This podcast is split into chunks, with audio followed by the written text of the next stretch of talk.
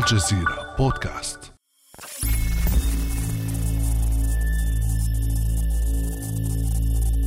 السيادة كلمة ظل مفعولها زمنا طويلا أشبه بالسحر. باسمها جيشت الجيوش ومن أجلها قامت الحروب وتحت رايتها ثارت الشعوب. وبقيت السيادة لصيقة بتوأمها الاستقلال لقرون وقرون. وحين حل زمننا هذا لم يعد تهديد السيادة يأتي من الجيوش الجرارة والأسلحة الفتاكة فقط بل قد يأتي أيضا من أجهزة وبرامج رقمية لا تحتاج إلا للعب بالرموز والأرقام والأقنية السرية هكذا صارت الدول والاقتصادات والمجتمعات في مرمى التهديد الرقمي وأصبح للسيادة وجه رقمي فماذا تعني السيادة الرقمية؟ وما مرتكزاتها؟ وما علاقتها بالسيادة الوطنية السياسية والاقتصادية وأمن واستقرار المجتمعات؟ وأين يقف العرب في هذه المعركة في ظل تعاظم التهديدات السبرانية وخطورتها؟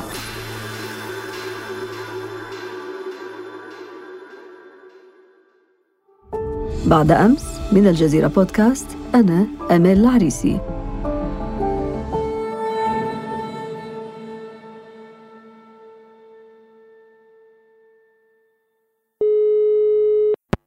ينضم إلينا في هذه الحلقة الأستاذ كفاح عيسى رائد في تكنولوجيا المعلومات.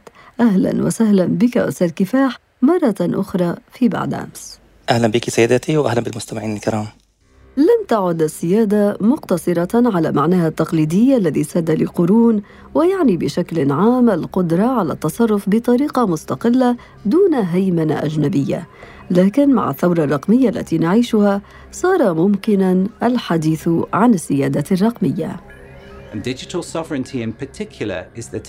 السيادة الرقمية على وجه الخصوص هي المصطلح الذي تمت صياغته لوصف السيطرة على التكنولوجيا التي تشكل الأساس للمجتمعات والاقتصادات الأوروبية.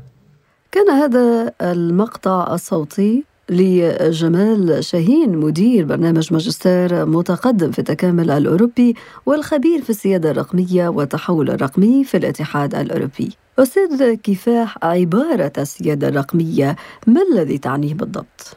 سأحاول أن أوضح العبارة بأسلوب مختصر ثم أفصل أكثر قليلا. السيادة الرقمية بأبسط الكلمات هي التمكن من دخول المعترك المعرفي دون تبعية. ماذا يعني ذلك؟ نحن الآن كبشر نخطو خطواتنا الأولى في ثورة المعرفة الجديدة ولازلنا في حالة الاندهاش وغير مستوعبين لما تعنيه أو يمكن أن تحققه هذه الثورة لاحقا. الثورة المعرفية تقوم على عدة محاور. المحور الأول هو المحتوى والمجموعة البيانات التي نقوم بإنشائها أو نشرها أو تفاعل معها. المحور الثاني هو الأدوات أو التقنيات التي نحتاجها للتفاعل مع المحتوى من حيث التطبيقات. والمحور الثالث هو العتاد الذي يقوم بتشغيل هذه التطبيقات سواء كان بالعتاد الشخصي أو عتاد الخوادم. والمحور الأخير هو الشبكات التي تصل كل هذه العناصر ببعضها. السيادة الرقمية هنا تعني تحقق الاستقلالية أو التخلص من التبعية بخصوص هذه المحاور مجتمعة. وذلك من خلال توفير بدائل متنوعة ورفض احتكار أي مجال منها من جهة أو دولة أو شركة معينة. بمعنى أنه طالما كان هناك تقييد على أي من المجالات السابق ذكرها فقد انتفت السيادة سواء كان التقييد على الفرد أو المؤسسة أو الدولة. وتنسحب تلك المحاور على مفهوم الفضاء الرقمي أو الإلكتروني الشابكة بين قوسين. وما يتضمنه ذلك من تداخل بين حقوق الفرد ومنظمات المجتمع المدني والشركات والدول. هذا باختصار هو التعريف.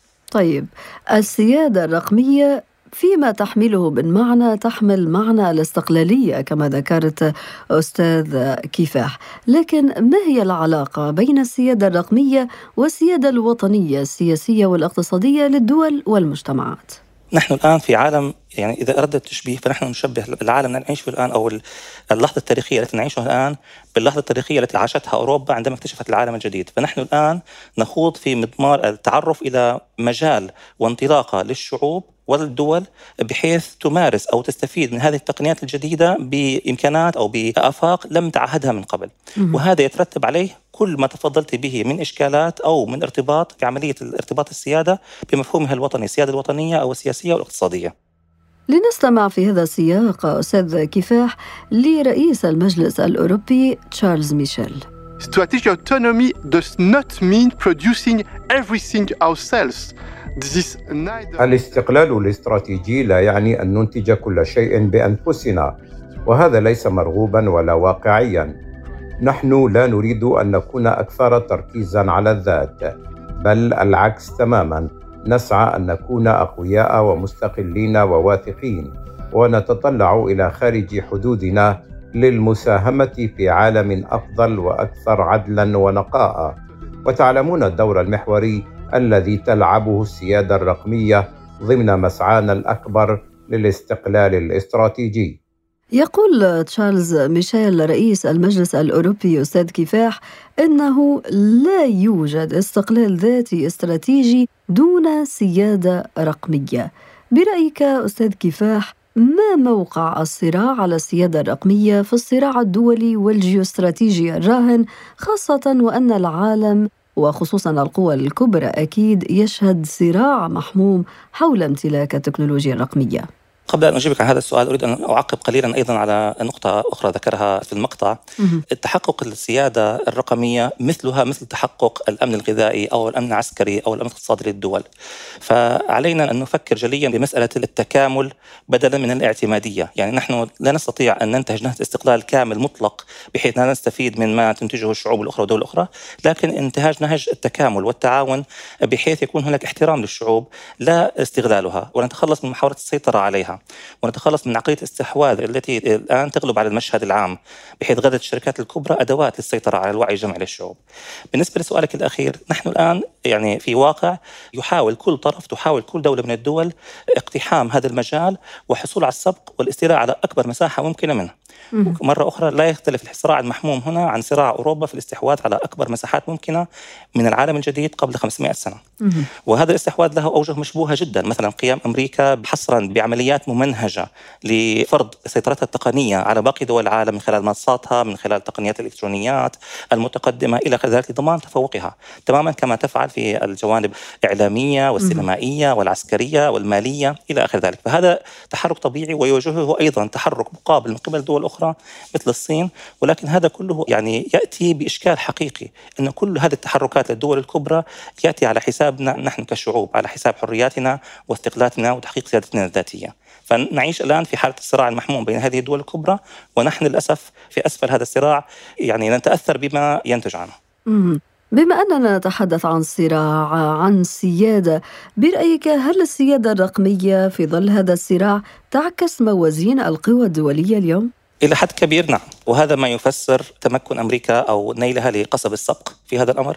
هذا ما يفسر قدرتها على سحب كافة الكفاءات من أركان العالم كله وتركيزه في أمريكا. يفسر وجود شركات كبرى ذات قيم مبالغ فيها ومضخمة جدا مالية قيم أصول مبالغ فيها. كل هذا يجسد أو يفسر لنا الواقع الذي نراه حاليا من تمكن أمريكا من السيطرة بهذا المجال. ولكن ألا تشكل سيطرة أمريكا وهيمنتها على ما بات يعرف بسوق التكنولوجيا واستحواذ مليارديرات التكنولوجيا على وسائل الإعلام والتواصل المؤثرة في تشكيل وعي ووجدان الشعوب ألا يشكل كل هذا تخوفات من أن يبقى العالم رهينة في مجموعة صغيرة من المليارديرات الذين يستطيعون من خلال هذه المنصات التأثير فيه وفق أجندات خاصة؟ بكل تأكيد يعني تحولت الآن هذه الشركات الكبرى إلى أذرع للسيطرة وتعمل بشكل حثيث على قولبة الرأي العام وتشكيله وتوجيهه ولنا في الربيع العربي مثال ممتاز. الربيع العربي كثورة قريبة في الذاكرة ارتكزت بشكل كبير على الفضاء الرقمي ومنصات التواصل. مم. لو نتخيل أن هنالك من يقوم الآن بالتحكم بتدفق المعلومات بين الأشخاص المختلفين. يعني فلنقل الربيع العربي كان كمثال حيث قامت هذه الثورة واستفادت من التقنية دون أن تتأثر فرضا. مم. لكن تخيل الآن واقع آخر مشابه نفس المنصات هذه بحيث يقومون بالتأثير يقومون بتوجيه الرأي يقومون بقراءة توجهات الأشخاص والأفراد بحيث يؤثروا على آرائهم في المستقبل. هذا يقودنا أيضا أستاذ كفاح إلى الحديث عن مسألة الحريات عن مسألة ما يطرح عن علاقة السيادة الرقمية بالحمائيه وكذلك بالالتزام بإنترنت عالمي مشترك وحر ومفتوح وآمن في خدمة الإنسانية. برأيك هل يمكن أن تستخدم كذريعة من قبل الأنظمة للمنع وقمع الحريات والتحكم في شبكات الإنترنت؟ هي مستخدمة من قبل عدة أطراف مستخدمة من قبل الأنظمة مستخدمة من قبل الشركات الكبرى ويمارسون كافة أشكال القمع يمارسون كافة أشكال القولبة فهذا متحقق والحل يكمن في عدم المركزية الحل يكمن في محاربة الاحتكار والغلق فتح هذه الشبكات كما تفضلتي. فالحمائية بمعنى كسر الاحتكار والترويج البدائل وفرض قواعد الاتصال بين هذه الشركات هو إجراء صحيح تماما. أما بالنسبة لقمع الحريات فقد وصلت إلى مستويات غير مسبوقة. يعني صار طار الآن طرح رأي أو وجهة نظر عادية جدا سببا كافيا للحظر أو حذف المحتوى أو حتى السجن ولا يشفع عدد المتابعين أو حجم النجاح في الوصول إلى الناس أو الالتزام حتى بمعايير المجتمع يكفي أخطاء قليلة فقط لكي تقع في هذا الفخ ويتم القمع بناء عليه. وللأسف هذه الاستراتيجيه مستغلة تماما في فرض السيطرة وتشكيل الوعي. يؤكد ينسحب أيضا على الشركات والحكومات القمعية والتي تحاول من خلال المراقبة وسن القوانين الجائرة الحد من قدرة الناس في التعبير عن آرائهم. وهذا يذكرنا أستاذ كفاح في الجدران الإلكترونية التي تعتمد عليها الدول ذات الأنظمة القمعية بدعوى يعني السيادة الرقمية، فالسيادة الرقمية هنا تبدو وجها ليس لعملة واحدة وإنما لعملتين مختلفتين، أليس كذلك؟ تماما مثلها مثل أي تقنية أخرى هي سلاح ذو حدين. يعني يتم استغلاله ويمكن أيضا الاستفادة منه وسنجد أوجه متعدده للاستغلال كما ذكرنا انفا تماما نعم صحيح طيب في عالمنا العربي أستاذ كفاح السيادة الرقمية ربما تبدو أكثر إشكالية في ظل وجود أنظمة بعضها لم يحقق حتى السيادة الوطنية وتعيش حالة من التبعية التامة تكنولوجيا ورقميا إضافة إلى جنوحها أصلا للمنع والحجب وقمع الحريات أين يقف العرب في الصراع الدولي لضمان السيادة الرقمية وتعاظم التهديدات السبرانية؟ أنا في الحقيقة أحب أن أتعامل مع الحقائق ولو كانت مرة أفضل من أتعامل مع الوهم ولو كان جميلا. فعلى مقاس من واحد إلى عشرة نحن في أسفل السلم كعرب وكدول عربية. وسبب هذا التقييم المتدني هو الغياب شبه الكامل للرؤية الاستراتيجية في الدول العربية والغياب الكامل حتى لمفاهيم السيادة والأمن الرقمي. يعني إذا لاحظنا الدول العربية مثلا تشتري أنظمتها الرقمية التي تدير بها الدولة من معلومات المواطنين إلى أنظمة الاتصال تشتريها من شركات أجنبية دون أن تباشر بإجراءات اللازمة لمنع عمليات الاحتكار والغلق دون المباشرة بالإجراءات اللازمة للتأكد من خلوها من الأبواب الخلفية للتجسس والتأثير إلى آخر ذلك. والطريف أنه حتى على المستوى الشعبي هناك انتشار لمغالطات كثيرة على مستوى الدول وعلى مستوى الشعب. مثلا الناس يقولون نحن ليس لدينا شيء لنخفيه فلا نمانع من وجود أبواب خلفية مثلا. لكن ما لا يعرفه الكثيرون سواء كان على مستوى الدول أو الأفراد إن الهدف من جمع المعلومات ليس معرفة تفاصيل حياتك وشخصيتك بذاتك أنت كشخص لأنه لا أحد يهتم في الحقيقة فيك كشخص لكن الهدف هو التأثير عليك لتشكيل وعيك وقناعاتك وتأثير سلوكك بأساليب العقاب والثواب مم. فللأسف المشكلة موجودة والعرب متأخرون لكن إن شاء الله يعني هنالك مندوحة أو مجال أو باب متاح نحو تحقيق تغيير يمكن أن يقلب هذه المعادلة وهل كل العرب في نفس المستوى أستاذ كفاح؟ التفاوت في حقيقته نسبي أو شكلي لكنه غير حقيقي، يعني في الحقيقة يعني في هناك تفاوت طبعا لكنه قليل.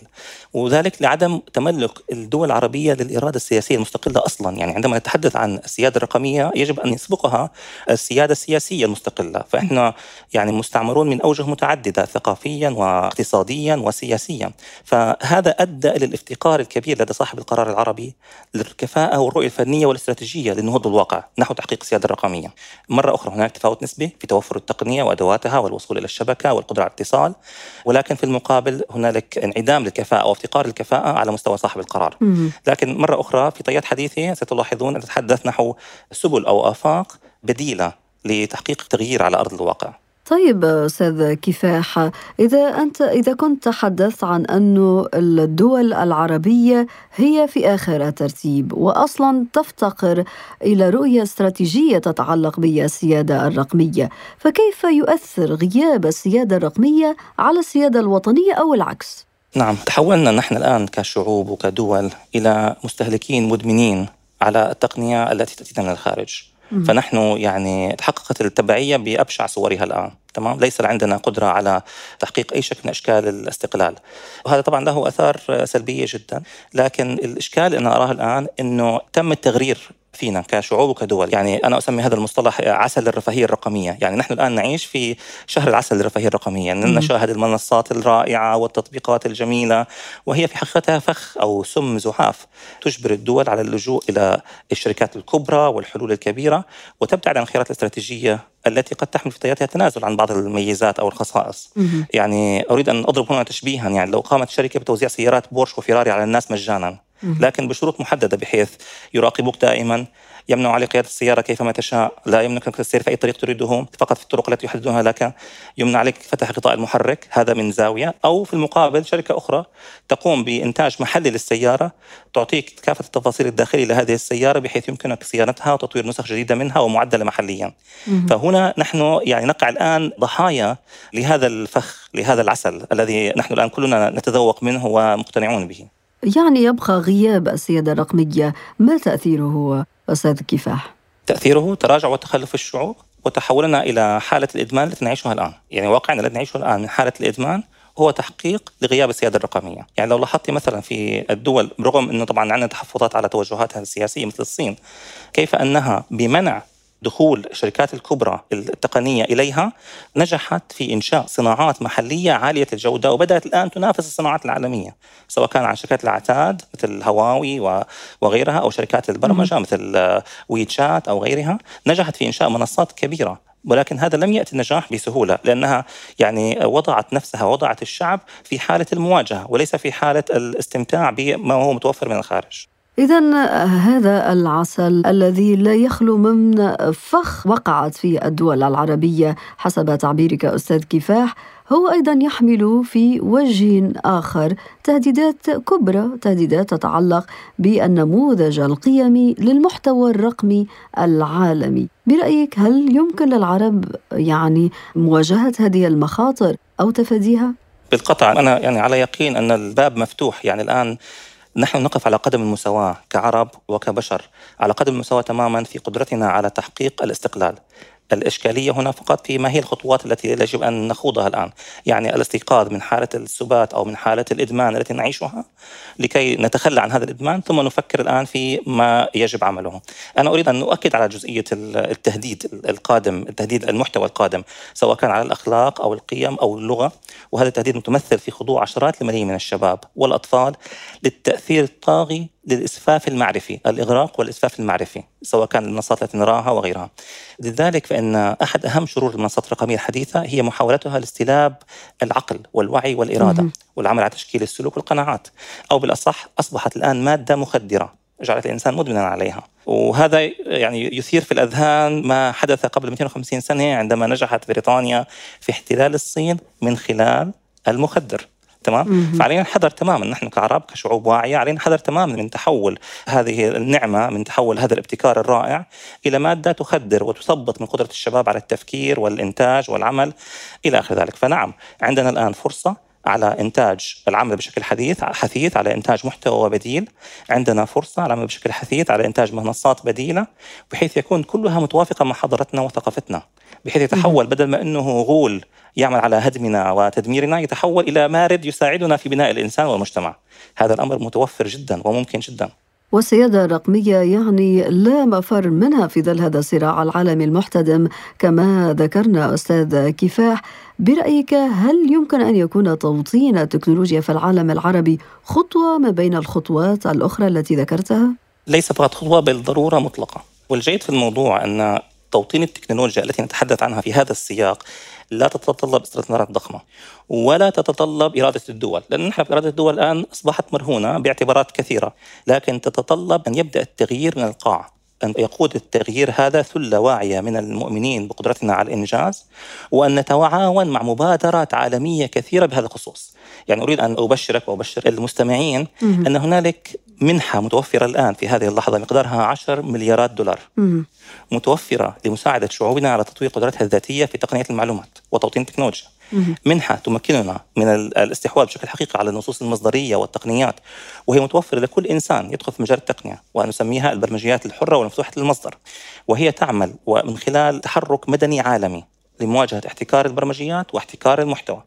لذلك فنحن أحد المحاور التي يجب أن نأخذ بها هو محور تطوير صناعات محلية حقيقية. توطين تكنولوجيا كما تفضلتي لأننا لا نريد البقاء مستهلكين التقنية ولا نريد البقاء تحت سلطة خارجية. انطلاقا من هذه الخطوات ومن هذه الحلول وهذه الفرص أصبح ممكنا للدول العربية ضمان سيادتها الرقمية. صحيح؟ هذا صحيح سيدتي وبكل تأكيد الدول والأهم الشعوب العربية صاحبة القرار وصاحبة السيادة الحقيقية. نعم في أيدينا الآن فرصة تاريخية والفرصة التاريخية تحتم علينا مسؤولية تاريخية أيضا في أن نستفيد من هذا الواقع الجديد أن نستفيد من هذه الدنيا الجديدة وندخل في أسبارها وغورها وحتى لا يتكرر التاريخ السيء من قطع الطريق علينا ومحاولات الاستعمار والاحتكار أن ندخل فيه وأن نحاول أن نبني وأن يكون لنا وجود فيه إن شاء الله. بهذه النظرة التفاؤلية أستاذ كفاح نصل إلى ختام حلقتنا. الأستاذ كفاح عيسى رائد في تكنولوجيا المعلومات شكرا جزيلا لك على هذه الحلقة المفيدة والمهمة. العفو شكرا لكم وللسادة المستمعين. حياكم الله. كان هذا بعد أمس.